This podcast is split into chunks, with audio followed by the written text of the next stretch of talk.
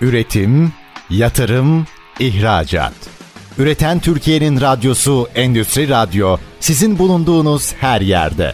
Endüstri Radyo'yu arabada, bilgisayarda ve cep telefonunuzdan her yerde dinleyebilirsiniz.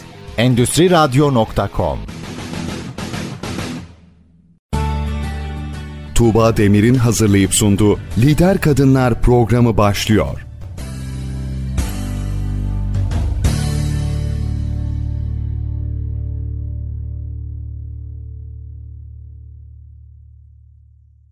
Merhaba, ben Tuğba Dedeoğlu. Endüstri Radyo'da Lider Kadınlar programındasınız. Kadın varsa hayat var diyerek yola çıktım ve her hafta alanında lider olmuş öncü kadınlarla sizleri tanıştırıyorum. Bu haftada konuğum sertifikalı The Work uygulayıcısı, eğitmen ve yazar sevgili Feza Karakaş. Feza Hanım hoş geldiniz. Hoş bulduk Tuğba'cığım. Evet biz biraz daha samimi bir program olacak bu. Çünkü Feza Hanım'la tanışıyoruz, beraber çalışıyoruz. Hem eğitimlerine katıldım hem de yepyeni kitabı Sevgi Projesi'nde beraber çalıştık. Çok keyifli bir çalışma ve kitap oldu. Eğer siz de sevgiyle ilgili, ilişkilerle ilgili, evliliğimi nasıl daha güzelleştirebilirim, ilişkilerimi kız arkadaşımla, erkek arkadaşımla, ilişkilerimi nasıl daha iyi hale getiririm diyorsanız ve aslında ilişki dinamiğini anlamak istiyorsanız lütfen bu kitabı okuyun diyorum. Ama tabii başka kitapları da var sevgili Feza Karakaş'ın. Onları da mutlaka inceleyin derim ve eğitimleri de çok önemli. Sevgili Byron Katie'nin sertifikalı eğitmenlerinden birisiniz ve çok önemli bir çalışma yapıyorsunuz The Work diye. Bir kere bu çalışmaya kadar bunu keşfedene kadar yolda nasıl ilerlediniz ve The Work'ü nasıl keşfettiniz? Çok teşekkür ederim bu sorun için Tuğba'cığım. 35 yaşlarımda bir e, ruhsal uyanış başladı bende farkındalıkla ve e, bu çok büyük öğretmenlerle devam etti. 2004 yılında da Amsterdam'da yaşadığım zaman Byron Katie ile tanıştım ve o zamana kadar yani şöyle hissettim aslında sanki çölde su bulmuş gibi hissettim kendimi The Work ile karşılaştığımda ve aradığım bu dedim. Çünkü gerçekten yani her şeye sahip olan bir insandım. Her şeyim vardı. Çok mutlu bir yuvam, eşim, çocuklarım, maddi durumum daima çok iyi oldu. Fakat çok lüks bir kuyunun içinde kendimi hapsedilmiş gibi hissediyordum ve düşüncelerimin, zihnimin e, hapishanesinde yaşıyordum. Her şeyi olan ama dıştan gelen bir mutluluk gibiydi. The Work'ü keşfettikten sonra aslında düşüncelerimin ne kadar da etkisi altında kalıp kendi hapishanemi yarattığımı fark ettim ve The Work bana bu kuyuya merdiven oldu. Ve bu dört soru ve tersine çevirmeleri sonra sonra aslında inandığım hikayelerin ötesinde bir ışık, bir aydınlık keşfettim. Ve kendimi sınırlayan düşünceler ile ne kadar aslında kendi ızdırabımı yarattığımı keşfettim. Ve bu yarattığım ızdırabın aslında en büyük temelinde de hakikatle tartışmak, olan olduğu gibi kabul etmemek, bu olmamalı, bu kişi bana böyle davranmamalı diye kendime ve başkalarında hata bulmam, kusur bulmam. Yani dünyayı yanlış bir şeyler var dışarıda dışarıda diye bakış açısından baktığım zaman kendime acı ve ızdırap yarattığımı keşfettim ve The Work bana buradan çıkmama sebep oldu. Şahane anlattınız. Teşekkür Şimdi ederim. bugün biraz ilişkilerden bakalım dedik konuya ve biraz da kendimizden bakalım dedik. Şimdi ben şu soruyla başlayıp sonra mükemmel ilişki var mı, ilişkiler nedir diye sormak istiyorum size. Belki programın sonuna doğru verdiğiniz The Work eğitimlerinden, workshoplardan da biraz bahsederiz ki size ulaşmak isteyen isteyenler nasıl ulaşacaklar size? Çünkü ben şu anımı anlatacağım önce. Benim de trafikle ilgili bir problemim vardı. Gerçekten her sabah yaşadığım bir sıkıntı. Şöyle bir sıkıntıydı. Aslında iki şeritli bir yolda sağ tarafta arabalar park ettiği için sürekli herkes iki şerit gidemiyor ve trafik yoğun oluyor sabahları evimle işim arasında ve sürekli önüme kıran arabalar. Haksız yere bile bile o daracık yerlere giren araçlarla sürekli içimde mücadele ediyordum. Yol vermemeye çalışıyorum. Onlar geçmeye çalışıyor. Ben yol vermiyorum. inat ediyorum falan. Bayağı benim için sabah stresiydi bu. Sonra The Work'e katıldım. Sevgili Feza hocam ve tabii ki sevgili eşim Metin hocamın eğitimine ve orada şunu bana gösterdiler bu dört soruyla. Belki hocam daha sonra bu dört soruyu da bize bir anlatır ne olduğunu. Şunu söylediler. Bu ne için geliyor senin hayatına? Sen ne yaşıyorsun burada? Ve o insanları tanıyor musun aslında? Yani o arabayı bilmem hayatımda ilk defa görüyorum önüme kıran arabayı. Kullanan kişiyi tanımıyorum bilmiyorum bana karşı bir hareket değil. O da beni tanımıyor ve bilmiyor neden bana karşı bir harekette bulunsun? Bu aslında benim içeride yarattığım bir çatışmaydı ve belki de bir hırs kaynağıydı. Ben bunu fark ettikten sonra artık işimden evime giderken hatta Feza hocam demişti ki sana ne göstermeye çalışıyorlar bir bak onlara teşekkür et. Aslında onların da senin için yaptıkları bir görev var. Bunu üstleniyorlar. Bu müthiş bir açılım oldu benim için ve artık çok rahat gidiyorum. Hem işimden evime hem evimden işime. Dolayısıyla The Work'ün böyle büyük kazançları var. Peki sizin bahsettiğiniz eğitimlerinizde özelliklerine özellikle kendini bilmek diye bir kavram var. Bu ne demek hocam? Şimdi hikayelerimizin ötesinde kim olduğumuz aslında bizi gerçek kendimize, özümüze bağlar. Hikayelerimizle aslında özümüzden uzaklaşırız. Kendini bilmek bu hikayeye hikayem olmasaydı ben kimim diye o anda o anda özümüze bağlanmaktır. Çünkü ben aslında kimliklerin ötesinde yani kimliklerimiz aslında kendimize yazdığımız hikayelerle oluşuyor ve bizi gerçek kendimizden uzaklaştırıyor. İnsanın kendisini bilmesi ise özüne bağlı o halidir, o saf yalın halidir. Ve çoğumuz aslında zaman zaman bu halimizi farkında bile olmadan yaşıyoruz ve belli kalıpları yani şu an kendimize yazdığımız bazı rolleri oynuyoruz ve biz bu roller değiliz. Mesela birisine soruyorsun kendisini ben doktorum diye tanıtır. Hayır onun mesleğidir aslında veya öğretmenim der veya işte zenginim, gencim, güzelim, başarılıyım. Bunlar bizim kendimiz değiliz. Bunlar bizim insan olarak oynadığımız, kendimize verdiğimiz title'lar yani bir yapıştırdığımız bir kimliklerdir. Kendini bilen insan özüne bağlı olarak yaşar. Araya hikaye koymaz ve özünden uzaklaşmaz. Benim düşüncelerim bu. Şöyle sorsam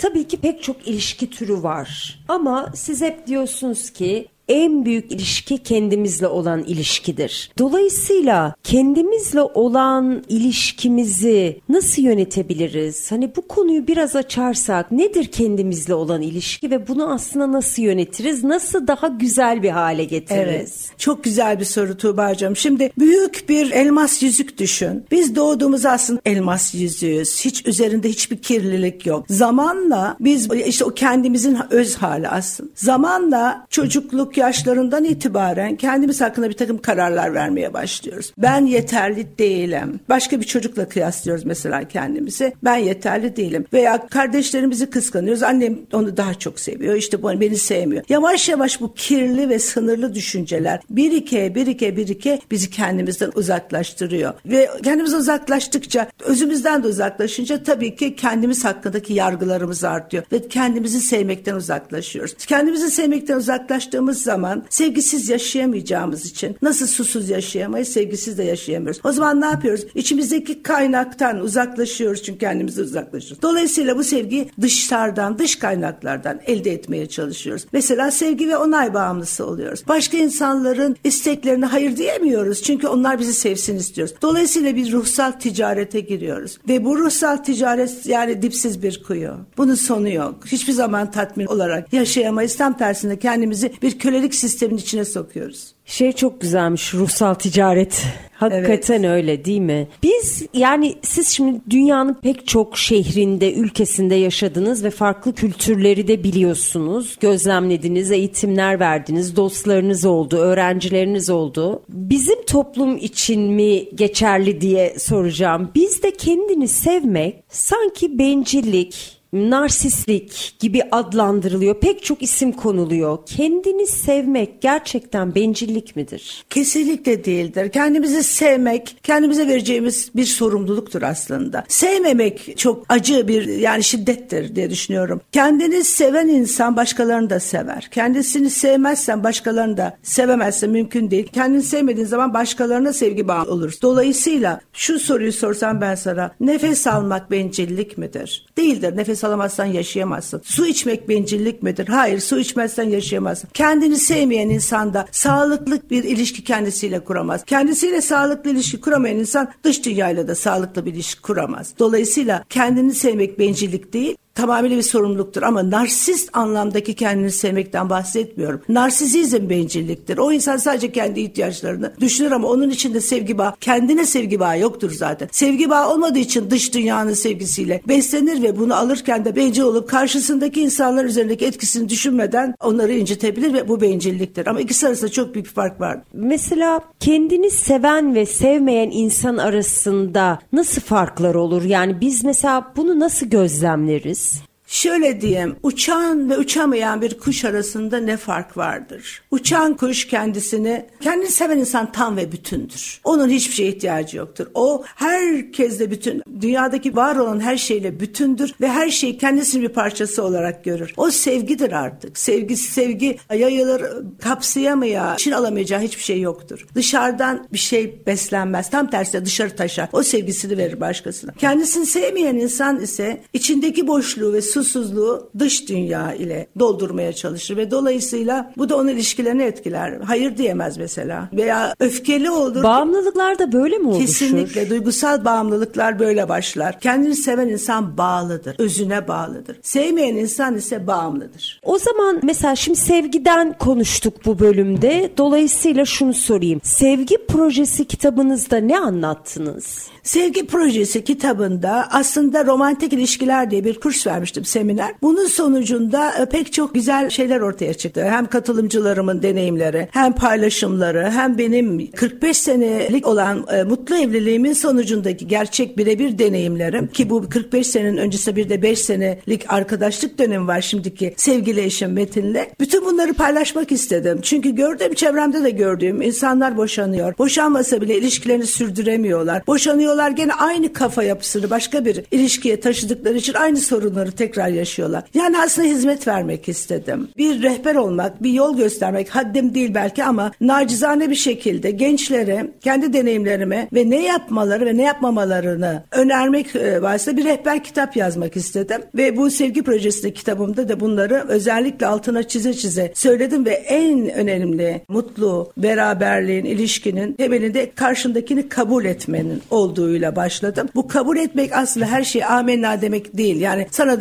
dayak hakaret edecek kabul et. Hayır değil tam tersine. Kabul et o kişiyi değiştirmeye çalışmaktan öte kendini değiştirmeye. Yani o suçlamak yerine başkasını o parmağı kendine döndür. Kendin niye mesela öyle çalışmayan bir ilişki içinde kalıyorsun? Ni değiştirmeye çalışıyorsun gibi. Yani gene kişiyi sorumluluğa ve iç dünyasına davet etmek amaçlı yazdım. Çünkü benim düşünceme göre dış dünya iç dünyanın bir yansımasıdır. Projection yani iç dünyada ne varsa dış dünya perdesinde o oynanır. Ve gördüğüm ilişkilerde daha çok mesela insanlar şöyle düşünebiliyor. Benim mutlu olmam için senin bana mutlu etmene ihtiyacım var. İşte burada bir bağımlılıktan bahsediyoruz. Hayır benim mutlu olmam için kendimi mutlu etmeye ihtiyacım var. Ve bu mutluluğu seninle paylaşmaya ihtiyacım var. Yani bunlar aslında çok klasik düşüncelerin ötesinde. Çünkü alışılmış bir normalleşmiş bir anormallik var bence bu. Bütün dünyaya yaygın. Evrensel inançlarda bu gerçekten. Hep dışarıya bağımlı bir mutluluk bekleniyor. Kocam beni sevsin, karım beni sevsin, işte benim ihtiyaçlarımı karşılasın. Yok böyle bir dünya. Ben öncelikle kendi ihtiyaçlarımı karşılamaktan so sorumluyum. Ve burada da dünyaya bakış açımı değiştirerek. Mesela senin demin verdiğin örnekteki trafikteki gibi. O kişi eğer senin karşına çıktıysa bunun bir sebebi var. Sen onu çağırdın. Her şey bizim için oluyor diye yazdığım ilk kitapta da aslında bunu vurguladım. Herkes bir hediye. Benim mutlu olmam için dünyanın değişmesine ihtiyacım yok. O insan bana acaba benim düğmelerime basıyor, beni tetikliyor. Ne mesaj mesajı veriyor? Acaba kendimle ilgili daha work yapıp da yüzleşmediğim hangi korkularım, hangi kalıplarım, hangi sınırsal düşüncelerim var ki ben bunlarla hala bunlarla tamam olamamışım diye bana bir rehber oluyorlar.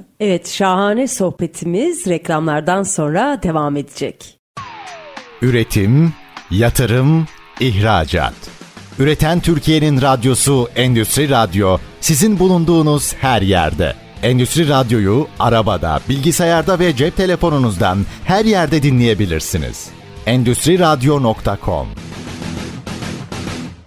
Lider Kadınlar'da Feza Karakaş ile sohbetimiz devam ediyor. Biz ilk bölümde hani şurada anlatamayacağım kadar güzel konular konuştuk. Bir kere ilişkilerden konuştuk, sevgiden konuştuk. Kendimize nasıl baktığımızdan konuştuk ve eğer kendimizi seversek bu bencillik olur mu diye sordum ben sevgili Feza Karakaş'a. Dedi ki hayır asıl sevmezsen bencillik olur. Eğer ilk bölümü kaçırdıysanız stendüstriradyo.com'dan podcast olarak da yayınlarımızı dinleyebilirsiniz. Sevgili Feza Hocam şöyle devam edelim mi? Bir kere biz kendimize olan ilişkiden ilk bölümde bahsettik. Orada çok güzel açıklamalarınız oldu. Peki mükemmel ilişki diye bir şey var mı? Olabilir mi böyle bir şey? Mükemmellikten ne anladığımıza bağlı bu sorunun cevabı benim içimde. Ben öz kitabımda aslında tamamıyla mükemmelliyetçilikten bahsettim ve mükemmelliği mükemmel olandır diye tarif ettim. Yani neyse şu anda olan bizim ihtiyacımız olan olduğu için mükemmel olandır. Mükemmel ilişki diye bir ilişki mükemmelliyetçi insanın standartlarına göre değişir. Bazı insanlar var ki mesela beyaz atlı prens bekliyor. Hayal ediyor işte şöyle olmalı böyle bir de kafasında zaten bir takım beklentilerle veyahut da işte benim eşim şöyle olmalı ne bileyim bana yemek yapmalı saymalı sevmeli işte annemin elini öpmeli falan filan gibi. Beklentiler ancak onlar için mükemmel ilişkidir. Böyle bir ilişki yoktur. Böyle bir dünya yok yok. Olan mükemmeldir. O andaki hangi insanla berabersek bizim için mükemmel ilişki odur. Çünkü onun içinde o karanlık ilişki bile olsa o karanlığın içinde inciler vardır. Bizim görevimiz, bizim sorumluluğumuz işte o incileri deşip kendimizi aydınlatmak, kendimizi zenginleştirmektir. Dolayısıyla klasik anlamdaki bu beklentiler ve mükemmel ilişki diye bir şey yoktur ve aslında bu düşünce çok da zararlı olabilir. Çünkü beklentiler vardır bunun altında. O beklentiler karşılanmadığı zaman da hayal kırıklıkları olur. Şimdi biz biraz aldanan bir yapıya sahibiz insanoğlu olarak. Demin ilk bölümde bahsettiğimiz gibi bazen kendi kendimizi aldatıyoruz aslında. İşte şey demiştiniz duygusal ticaret dediniz. Başkalarına bizi kullanma hakkı da veriyoruz sanki bizi seviyor diye sırf. Peki gerçek sevgi ve ger olmayan sevgiyi birbirinden ayırt edebilir miyiz? Kesinlikle ayırt edebiliriz. Koşullu sevgi diyeyim ben bunu aslında. Yani gerçek sevgi koşulsuz sevgidir. Karşılığında hiçbir şey beklemez. Sadece vermeye odaklanır. Çünkü mesela güneşi düşünün. Güneşin bize verdiği enerji koşulsuzdur. O her zaman vardır. ışık enerjisini verir. Demez ki ben bu Pakistan'a kızdım ve Arjantin'e kızdım. Bugün onlara güneş vermeyeceğim demez. Tüm her yere koşulsuzca bütün evrendeki bütün her şeye var olan her şeyi verir enerjisini. Koşulsuz sevgi gerçek sevgi sevgi budur. Sever. Çünkü kendisi sevgidir, özü sevgidir. Koşullu sevgi ise sevgisini koşullara bağlar. Yani şöyle ki sen bana bunu yaparsan seni severim, yapmazsan sevmem. Veya seni seviyorum çünkü diye altında bir sürü listesi vardı. Çünkü işte çocuklarıma iyi bakıyorsun. Çünkü beni hoş tutuyorsun. Çünkü beni eğlendiriyorsun. Eğlendirmezse sevmeyebilir. Kişi arasında bir, çok büyük fark vardır. Gerçek bir sevgiden bahsetmiyoruz koşullu sevgide. O sevgi maytap gibi hemen yanar ve sönebilir. Ve anlamsız nefrete de dönüşebilir dönüşebilir. Ama gerçek sevgi hiçbir zaman nefrete dönüşmez çünkü onun içinde olumsuz duygu yoktur. O kadar güzel anlatıyorsunuz ki insan yani o sevginin içinde kaybolmak istiyor aslında. Gerçekten bazen ailemizden bile koşullu sevgi görüyoruz değil mi? Aslında belki de orada mı öğreniyoruz koşullu sevilmeyi ve sevmeyi? Benim düşünceme göre evet. Yani yetiştirme tarzımız çok çok etkiliyor. Mesela başarılı olursan seni severim. Ben iyi çocuk olursan seni severim. Terbiyeli olursan seni severim. Yaramazlık yaptın seni sevmiyorum diye. Ben seni bu davranışını sevmiyorum diyen ebeveynler tarafından eğer büyütülmediysek ve seni sevmiyorum diye eğer bu mesajları aldıysak tabii ki ailede başlıyor bu. Veya öğretmenlik okulda eğitimde başlıyor. Koşullu sevgiye karşı programlanmamız. Kitabınızda zaten o konulara da giriyorsunuz. Hemen sormak istiyorum. Aşk nedir? Aşk nedir sorusu gerçekten çok güzel bir soru. Benim deneyime göre. Tabii ben bunun uzmanı değilim. Bu konuda çok kompleks bir durum aslında. Aşk nedir e, deyince benim aklıma aslında Aşk Veysel'in o küçük hikayesi geliyor. Eşi kendisini terk edeceğini anladığı zaman gece eşinin ayakkabısına para koyuyor ve belki ihtiyacı olabilir diyor. Aşk aslında özümüze bağlandığımız yani o yaratana bağlandığımız anımız. Gerçekten koşulsuz sevgi ile bütünleştiğimiz andaki insan halimiz gerçek olmayan aşk ise veya daha da söyleyeyim fiziksel aşkta bir başkasına duyulan fiziksel olan aşk fakat bu da dediğim gibi düşünceler araya girdiği zaman yok olmaya mahkum. Gerçek aşk hiçbir zaman yok olmuyor. Gerçek aşk şöyle der. Sen ne istiyorsan ben onu istiyorum. Senin iyiliğini istiyorum. Senin mutlu olmanı istiyorum. Aşk Veysel örneğinde olduğu gibi. Fiziksel aşk ise veyahut da sahiplenen o bencil aşk dediğimiz aşk ise senin benim olmanı istiyorum der. Sen benim ol ki ben mutlu olayım der. Bilmem anlatabildim ikisinin arasındaki fark. Harika anlattınız. Şimdi biraz da romantik ilişkilere doğru girelim lütfen. Şimdi romantik ilişkilerle ilgili aslında böyle arka arkaya bir sürü soru sormak istiyorum ama şundan başlayalım. Bir romantik ilişkide tarafların sorumlulukları nelerdir? Öncelikle kendimize çünkü en büyük romantik ilişki kendimizle yaşadığımız romantik ilişkidir. Kendimizle aşk yaşamak, kendini sevmek, kendini saymak, kendine değer vermekle başlar ilişki. Dolayısıyla en büyük sorumluluğumuz sınırlarımızı korumaktır. Yani bağımlı olmamak, bağlı olmak, kendine saygıya, kendine sevgiye bağlı olmak ve dolayısıyla kendini incitmeyen insan başkasını da incitemez zaten. İlk sorumluluk bu. Romantik ilişkilerdeki öbür sorumluluğumuz da karşımızdaki insanı değiştirmeye çalışmamak. Bu nafile bir çabadır. Değişecekse değiştirebilmek gücün olan tek kişi sensin. Byron Katie üç çeşit işten bahseder. Benim işim, senin işin, evrenin işi. Eğer ben kendi işimden çıkıp da seni değiştirmeye çalışırsam kendimi ihmal ederim. Dolayısıyla sorumluluğumu yerine getirmiş olmam ve kendi bahçemi temizlemeyi bırakıp başkasının bahçesindeki otları veya zihnindeki virüsleri, o bazı düşünceleri değiştirmeye çalışırsam kendi bahçemi ihmal etmiş olur. En büyük sorumluluk kendi zihnimde iki kulağımın arasında hangi düşünceler var? O anda beni hangi düşünceler özümden uzaklaştırıyor, sevgiden uzaklaştırıyor, eşimle olan ilişkimi bozuyor. Buna odaklanıp eğer onların üzerinde bir düşünce sorgulaması ve farkındalık yaratıp da düşüncelerimi seçmeyi öğrenirsem hayatımın iplerini eline alırım. En büyük sorumluluk kendi hayatımın iplerini elimden almak. İkincisi bu sevgimi karşımdakiyle paylaşmak. Zaten kendimi sevdiğim zaman bu paylaşım otomatikman olur. Hiçbir şey yapmak zorunda değilim. Ona paylaşmak ve onu ona değer vermek, onu saymak, ona sevgimi göstermek, sağlıklı iletişimler kurmak bunlar en büyük temel sorumluluklarımızdır diye düşünüyorum. Şimdi bizim gibi toplumlarda sahiplenme öne çıkıyor aslında. Biraz da sanki hastalıklı bir hal alıyor gibi. Hatta işte eğer bir erkek bir kadını çok serbest bırakıyorsa arkadaşlar şunu diyebiliyor. Hmm, yani seni çok da sevmiyor mu acaba? İlgisi mi azaldı sana karşı gibi sorularla karşılaşabiliyor insan. Kendi içinde de bunu çok yaşıyor aslında bu çelişkileri. Ya niye işte beni serbest bıraktı? Niye bana toleranslı davranıyor? Gibi gibi pek çok soru oluyor. İlişkilerde bu sahiplenme kavramı nasıl olmalı sizce ve nedir bir ilişkide sahiplenmek? Sahiplenme arzusu bence güvensizlikten kaynaklanan, güvensiz düşüncelere inanmamız sonucunda olan bir bir ihtiyaç. Sen benimsin diye bir benim olmalısın, benimsin. Sanki mal gibi birbirimize davranma ve kıskançlık geliyor sonucunda. Yani bütün bunlar aslında güvensizlik sonucu. İnsanın gene dediğim gibi kaynağına, özüne bağlı olmadan düşüncelerine inanıp o düşünce balonlarının içinde yaşayıp bu düşüncelerin sonunda sahiplenme arzusu çıkıyor ortaya. Yani aslında kimse kimseye sahip değil. Hatta çocuklarımıza bile sahip. Onlar bile Allah'ın, yaratanın şeyleri. Biz sadece geçici bir süre onlara misafirlik yapıyoruz. Ve ilişkilerde de sen benimsin dediğin zaman o insanı nesne yerine koyuyoruz. Sanki sen benim arabamsın. Arabam olsa yaşayamam. Arabamı paylaşamam kimseyle. Arabamı kimseye veremem. Mal değiliz ki. Yani güven içinde olmayan insanlarda bu ilişki görülüyor ve ben bu ilişkileri sağlıklı bulmuyorum açıkçası ve sonucunda insanlar mutsuz olabiliyor. Beklentiye giriyor. Ben sen benim sahibimsin. Ben senin sahibim. Sen bunları bunları yapacaksın. Veyahut da bana beni sahiplenmeni istiyorum. Bana bunları niye yapmıyorsun? Bunlar hep nörotik ilişkiler. Hep nörotik işte düşünceler. bahsettiğiniz koşullanmalar aslında. Kesinlikle. Koşul koyuyoruz sürekli ilişkilere. Evet.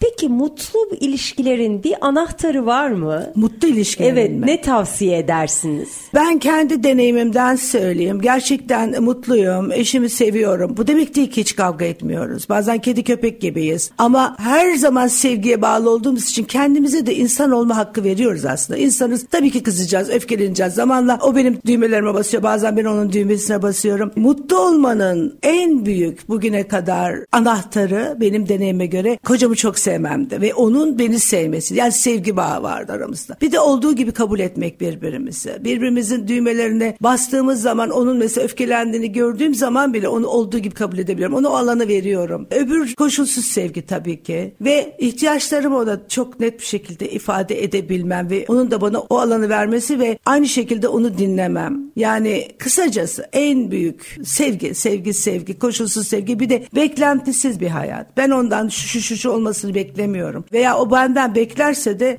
senden bunu beklediğini görüyorum ama ben senin bu ihtiyaçlarını şu anda karşılayamıyorum diye kendimi ifade edebilme özgürlüğü. Tüm bunları söyleyebilirim şimdilik. Peki bir ideal eş diye bir şey var mı? İdeal eş diye bir şey yok. Ancak öyle beklentiler vardır. Eşim şöyle olmalı, eşim böyle olmalı. Böyle bir şey yok, böyle bir dünya yok. Birlikte olduğumuz eş ideal olan işimizdir. Çünkü o insan bizim gururumuzdur, öğretmenimizdir, ruhsal öğretmenimizdir. Byron Katie der ki insanlar aydınlanmak için Hindistan'a gidiyor. İşte binlerce dolar para veriyorlar. Buna hiç gerek yok der. Birlikte yaşadığınız, sizi kızdıran, üzen, düğmelerinize basan kişi sizin ideal eşinizdir der. Çünkü o insan sizin aydınlanmanıza sebep sebep olacak. Eğer bakış açısını değiştirip de onu ki hayatınızdaki bir hediye olarak görebilirseniz iç dünyanızı yani onun bastığı düğmeleri iç dünyanıza giden bir yolculuk bir hediye olarak kabul edebilirseniz iç dünyada büyüdüğünüz zaman dış dünyanız değişecektir der. Şahane. Evet biz kısa bir reklam arasına daha gidiyoruz. Birazdan Feza Karakaş'la sohbetimiz devam edecek. Üretim, yatırım, ihracat. Üreten Türkiye'nin radyosu Endüstri Radyo sizin bulunduğunuz her yerde. Endüstri Radyo'yu arabada, bilgisayarda ve cep telefonunuzdan her yerde dinleyebilirsiniz. Endüstri Radyo.com Lider Kadınlar'da Feza Karakaş ile sohbetimiz devam ediyor. Eğer ilk iki bölümü kaçırdıysanız bildiğiniz gibi web sitemizde podcast olarak dinleyebilirsiniz. Sevgili Feza Hanım şunu sorabilir miyim? Kitaplarınızda söylediğiniz çok önemli şeyler var. Bir tanesi de yargılar ötekileştirir diyorsunuz. Bu ne demek? Yargılar ötekileştirir çünkü bizi bir kere her şeyden önce özümüzden ayırdığı için bizi öteki yapar. Kendimiz ayrılıp hani güneşten ayrılmış göktaşı ayrılırız ve tabii ki güneşten ayrılan göktaşı zamanla ışığını kaybeder ve düşüşe girer. Başka insanlara veya kendimize attığımız her yargı aslında bir yalandır. Bir hikayedir, ötekileştirir. Mesela kendim için söylediğim bir yargı ben değersizim. Ya doğru değil. Beni değersiz olarak attı sistemden. Çünkü bu yalandır, doğrudur. Veya başka insan için söylediğim bu insan akılsız dedi veya başarısız dedi. Bunların hepsi diğer insanı özümden ayırır. Onun için de çok önemli. Evet. Gene kitaplarda bahsettiğiniz şöyle bir şey var. Dönüşümün temeli kabuldür diyorsunuz. Evet.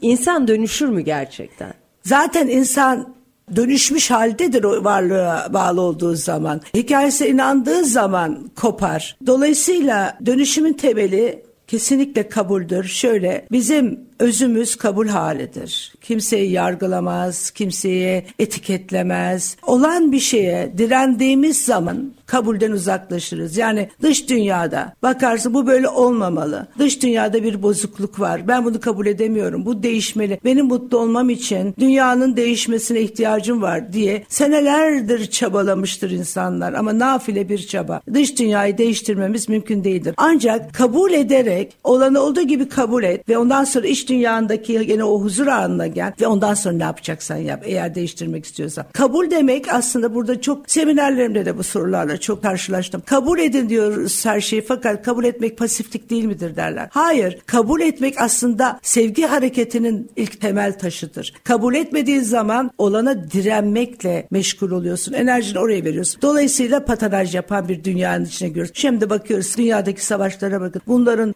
çoğu sevgi alanından, o platformdan uzaklaştırıldığı için oluyor. Kabul bizi sevgi alanımıza getirir ve yaratmanın gücü şu andadır. Ben o ana geldikten sonra tamam ben olanı kabul ettim. Olanı sevmek zorunda değilim. Onaylamak zorunda değilim. Olan ama oluyor. Bana da sormuyor. Peki ben bunu kabul ettim. Bu var ve ben şimdi ne yapabilirim diye harekete geçiyorum. Sevgi eylemde olsaydı şimdi ne yapardı? Bu benim hareket gücüm, enerjimi buradan alıyorum. Peki bize zarar veren aslında sevgiden ve kabul kabulden uzaklaştıran düşünce kalıplarımızı nasıl dönüştürebiliriz, değiştirebiliriz? Evet bunun için çok değişik yöntemler var. Çok çok da kıymetli gerçekten teknikler var. Benim kullandığım ve gerçekten lazer hızıyla beni bu kalıplardan uzaklaştırıp tekrar özüme döndüren yöntem Byron Katie'nin The Work yani Türkçesiyle çalışma yöntemidir. Bu yöntem çok hızlı bir şekilde farkına varıp e, yakaladığım düşüncelerimi sorgulayıp tekrar gerçekten bu doğru mu diye e, hakikatimi bulmama sebep oluyor. Ve ben The Work yöntemini kullanıyorum. Şöyle belki The Work'ün o soru kalıplarından biraz bize bahsedebilirsiniz. İlk bölümde söylediğiniz o dört soruyu soruyorum ve aslında dönüşümü böyle yakalıyorum farkındalığı diye. Belki bir ışık olur dinleyicilerimize tabii ki, de. Tabii ki seve seve bahsederim The Work'ten. The Work bir düşünce ve sorgulama yöntemidir. Byron Katie 1985 yılında kendisi bunu keşfetmiş aslında. Aydınlanmış da diyebiliriz bu kadın. 10 yıllık bir sürede depresyon geçirmiş. Hatta ağır bir depresyon. Yani yatağından bile çıkamayan bir hanım ve sonunda bir gece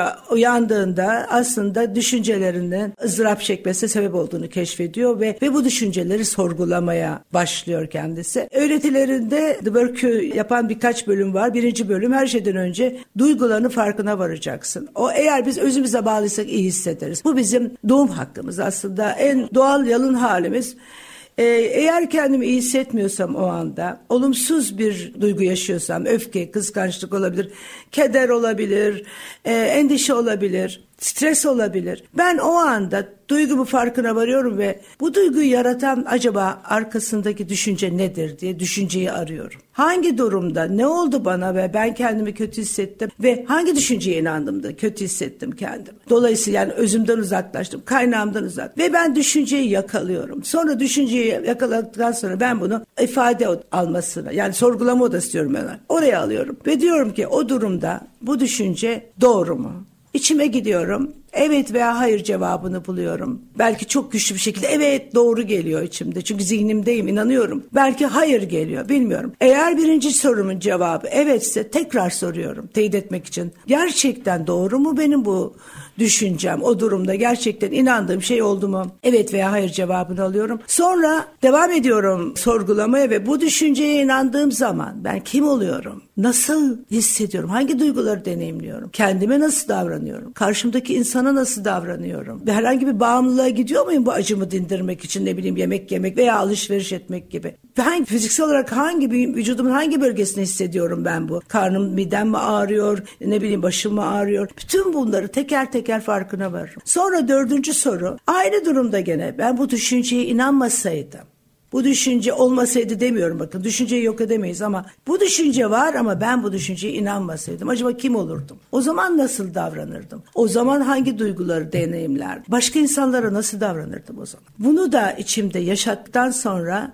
tersine çevirmeleri alıyorum. Yani ilk o inandığım orijinal cümleyi, düşünceyi kendime çeviriyorum. Mesela diyelim ki Ahmet beni aldattı. Ben kendimi aldattım. Acaba o durumda bu doğru olabilir mi? Belki Ahmet'e inandım. Belki belliydi onun öyle olacağı. Ben kendimi ona inanarak aldatmış olabilir miyim? Gibi üç tane de örnek buluyorum bunun doğru olup olmadığına dair. Sonra Ahmet, ben Ahmet'i aldattım. Acaba bu doğru olabilir mi? Ona da örnekler buluyorum. Sonra da Ahmet beni aldatmadı. Acaba bu da doğru olabilir mi? Bütün bunları teker teker teker sorguluyorum ve gerçekten hakikati buluyorum. Sonunda da belki bir senelerdir içinde olduğum o balon, kabus balonu patlıyor ve ben özgürlüğüme kavuşuyorum. Şahane anlattınız. Yani, Teşekkür ederim. Hani dinleyiciler bunu alıp kendilerine simülasyon gibi oldu. Uygulayıp gerçekten bir bakabilirler. Tabii sizin eğitimlerinize de gelebilirler. Sizin kurduğunuz eşinizle beraber farkındalık nasıldı tam okuyayım. FMK Farkındalık Meditasyon ve e,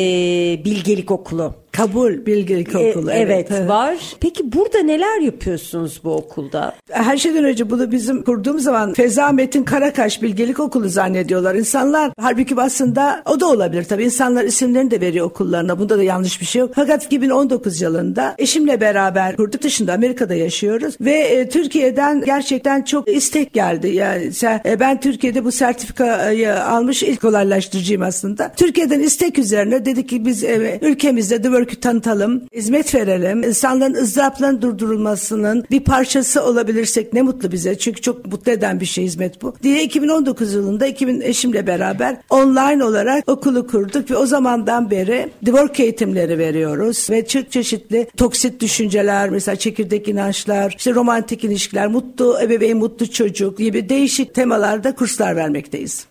Nasıl değişimler gözlemliyorsunuz Feza Hanım? Mesela katılımcılarınızdan böyle bir iki hikaye paylaşsak. Anında o anda böyle aha dedikleri ağlamalarla birlikte özgürlükleştiklerini çok deneyimledim. Annesiyle ilişkisi bozuk olanlar veya babasıyla her şeyden önce kendisiyle olan o çelişkiyi aslında başkalarına yansıttıklarını da gözlemledim. Dışarıda annesiyle problemi olmadığını keşfetti. Mesela asıl problemi kendisini sevmemesiydi veyahut da annem beni sevmiyor düşüncesine inanmasıydı ki ben de bunu birebire yaşadım aslında. Benim de öyle bir hikayem vardı. The Work sayesinde o hikayeden çıktım ve anneme karşı aslında ne kadar da haksızlık ettiğimi anladım ve annemi öptüm. Çok sarılarak öptüm. Bu tip ilişkilerinde dönüşümler çok oldu. Kardeşleriyle olan ilişkileri, iş yerlerinde olan ilişkiler, mesela patronlarıyla olan ilişkileri, maddi parayla olan ilişkilerde çok değişmeler oldu. Para kursumuzda insanların paraya bakış açıları, paranın ne kadar zor geldiğine inanmaları sonucunda paranın kendine gelmelerine izin vermemeleri mesela. Yani çok gerçekten çok değişimler oldu. Keşke katılımcılarım katılsa da kendileri bizzat deneyimlerini ilişkilerinden bahsetme fırsatı bulabilseler burada. Şöyle tabii biz ilişki deyince hani hemen aklımız romantik ilişkilere doğru gidiyor ama aslında demin bahsettiğiniz gibi para da bir ilişki. Kesinlikle. İş, işte bir ilişki. Evet tabii. Anne baba ayrı ilişkiler. Mesela para özellikle bizi çokça girişimci dinliyor, iş evet. sahipleri dinliyor. Parayla ilişkimizi nasıl yönetiriz? Böyle kısa bir bahsetsek. Çok çarpıcıydı çünkü izin evet. vermediği için gelmiyor. Para aslında cümlesi. benim düşünceme göre her zaman bolca var. Sadece onun bize akmasına izin vermemiz yetiyor gelmesine. Ve hangi düşünceler acaba bizim paranın bize gelmesiyle paranın kendimize akmasına izin vermiyoruz. İşte para aslanın ağzında. E, ne bileyim çok zor, ekonomi çok kötü. Ne bileyim hayat zor. E, para ağaçtan toplanmıyor veya para harcamak iyi bir şey değildir. Para biriktirmem lazım. Başarıyı hak etmiyorum, parayı hak etmiyorum. Ne bileyim işte, iflas ettim, gene edebilirim gibi bu tip hep sınırlayıcı düşünceler. Aynı şekilde sevgiyle olan ilişkimiz gibi. Koşulsuz ev, sevgi her zaman var orada. Para da var aslında. Orada var. Ne kadar kabını ne kadar yağmur düşünün mesela yağıyor. Yağmur yağıyor ve yağacak ve herkese yağıyor. Kabını ne kadar küçük tutarsan o kadar küçük doldurursun. Ne kadar büyük tutarsan büyük doldurursun. Para akışı da böyle ve izin vermek akışına. Tuttuğun zaman korku sinyalleri veriyorsun evrene. Diyorsun ki tutmam lazım. Bir kıtlık gelebilir, bir şey gelebilir. Akışa gelmesine de gitmesine de izin vereceksin. Korkusuzca. Korkunun olmadığı yerde bence bolluk vardır. Her türlü bolluk. Parasal bolluk, sevgi bolluğu, ilişki bolluğu, her türlü zenginlik korkunun olmadığı yerde vardır. Çok güzel söylediniz gerçekten. Korku sınırlayıcı bir kalıp değil mi? Yani orada kayboluyoruz aslında patinaj çekmek gibi oluyor korkunun içinde kaldığımızda izin de vermiyoruz aslında. Evet. Biraz belki hastalıklar da öyle geliyor mu bize? Şimdi aynı zamanda ben Louis Say'in öğretmenlerinin sertifikasını aldım. Louis biliyorsunuz da Hay House e, yayın evinin kurucusu ve pek çok güzel kitaplara imza atmış bir hocamız. Annemiz daha doğrusu bu işi bayağı başlangıcını kuran filozoflardan biri. Louis'in düşün kitaplarına göre bütün hastalıkları düşüncelerimizde yaratıyoruz. Ve iyileştirme gücü de aslında bizim içimizde var. Dolayısıyla tabii ben bu konuda uzman değilim. Yani çoğu doktorlarla bu çelişkiye düşebilir çünkü genetik olarak gelen bir takım hastalıklar da olduğuna inanıyorum. Tabii ki her şeyi böyle yüzde yüz düşüncelerle açıklayamayız ama düşüncelerin gücünün bedenimizde çok büyük etkisi olduğunu inanıyorum bizzat. Ve bunu birkaç kere deneyimledim. İnanmadığım zaman hastalanmadım. Mesela bazı belirtiler doktora gidiyorsun. Sen de şu şu var. Radarıma koymadım onu. Hiçbir zaman inanmadım ve yaşamadım deneyim olarak. Dolayısıyla sorunun cevabı evet diyebilirim. Kısmen evet, evet. diyebilirim aslında. Evet, evet aslında bu cümleniz de çok güzel. Radarına koymak. Yani radarımıza aldığımız şeyler aslında gelip bizi buluyor galiba değil mi? Veya Eğer ihtiyacımız orada... olan şeyler. Evet ama orada kötücül bir düşüncemiz varsa işte korkularımız, endişelerimiz, vesveselerimiz, kaygılarımız ya da öğrendiğimiz çaresizlikler. İşte ne dediniz? Mesela benim Benim de bir ebeveynim sürekli şunu söylerdi. Para çok zor kazanılır. Evet. Sen hiç para kazandın mı? Çok şey yani ben de hep düşünce kalıbım paranın çok zor kazanıldığı üzerineydi. Dolayısıyla hakikaten hem ailemizden hem çevremizden otorite gördüğümüz figürlerden çok etkilenerek büyüyoruz ve bu kalıpları değiştirmek için de sizin çalışmalarınız Evet. gerçekten çok şifalı. Bir şey daha eklemek isterim eğer izin verirsen Elbette, Tuğba'cığım. elbette. Şimdi ilişkilerimizde derken diğer önemli ilişkimiz de bedenimizle olan ilişkimiz. Bedenimizi sevmemiz bence çok önemli. Bedenimizi sevmediğimiz zaman da hastalıklar yaratabiliyoruz. Ve mesela kilo alabiliyoruz. Çok e, bedenini sevmeyen insan bedenine bakmıyor. E, fazla yemek yiyebiliyor. Veya hastalıklar da yaratabiliyoruz. Migrendi, şuydu buydu falan gibi şeyler. Dolayısıyla bedenimizle olan ilişki çok önemli. Olduğu yerde olduğu haliyle bedeni kabul etmek. Hangi kilodaysan ihtiyacımız olan o anda yani bir hafta sonra belki kilo verebiliriz veya alabiliriz. O anda ihtiyacım olan o kilodur benim için ve o halimdir. Hangi yaştaysam o yaşta olmaya ihtiyacım vardır. Yani kabul. Gene her şeyin değişimin temeli kabul. Sevgiye başlangıcın, sevgiye açılmanın temeli kabul. Dolayısıyla en büyük ilişkilerden bir tanesi de bedenimizle olan ilişkimizdir diye düşünüyorum. Hastalansak bile bunu kabul etmek. Çünkü hastalıkla da bir ilişki var. Hastalığa direnmemek, yaşlılığa direnmemek, ne bileyim vücudumuzdaki herhangi olacak bir sakatlığa direnmemek, kabul etmek. Hep kendimizi bu sevgi ve kabul platformuna getirmek, uçağımızı kaldırmak için olacak hava alanı pistimizdir diye düşünüyorum. Uçağımızı nereye kaldırıyor? Sevgiye, huzura, özgürlüğe, neşeye, yaşama, yaşama evet demeye kaldırıyoruz. Çok teşekkür ediyorum katıldığınız için. İyi ki geldiniz. Harika bir sohbet oldu. Sevgili Feza Karakaş'a tüm sosyal medya hesaplarından ve kendisinin web sitesinden ulaşabilirsiniz. Onu da söyleyerek kapatalım. Bir Lider Kadınlar programının daha sonuna geldik. Bir sonraki programda görüşmek dileğiyle. Sevgiyle kalın, hoşça kalın.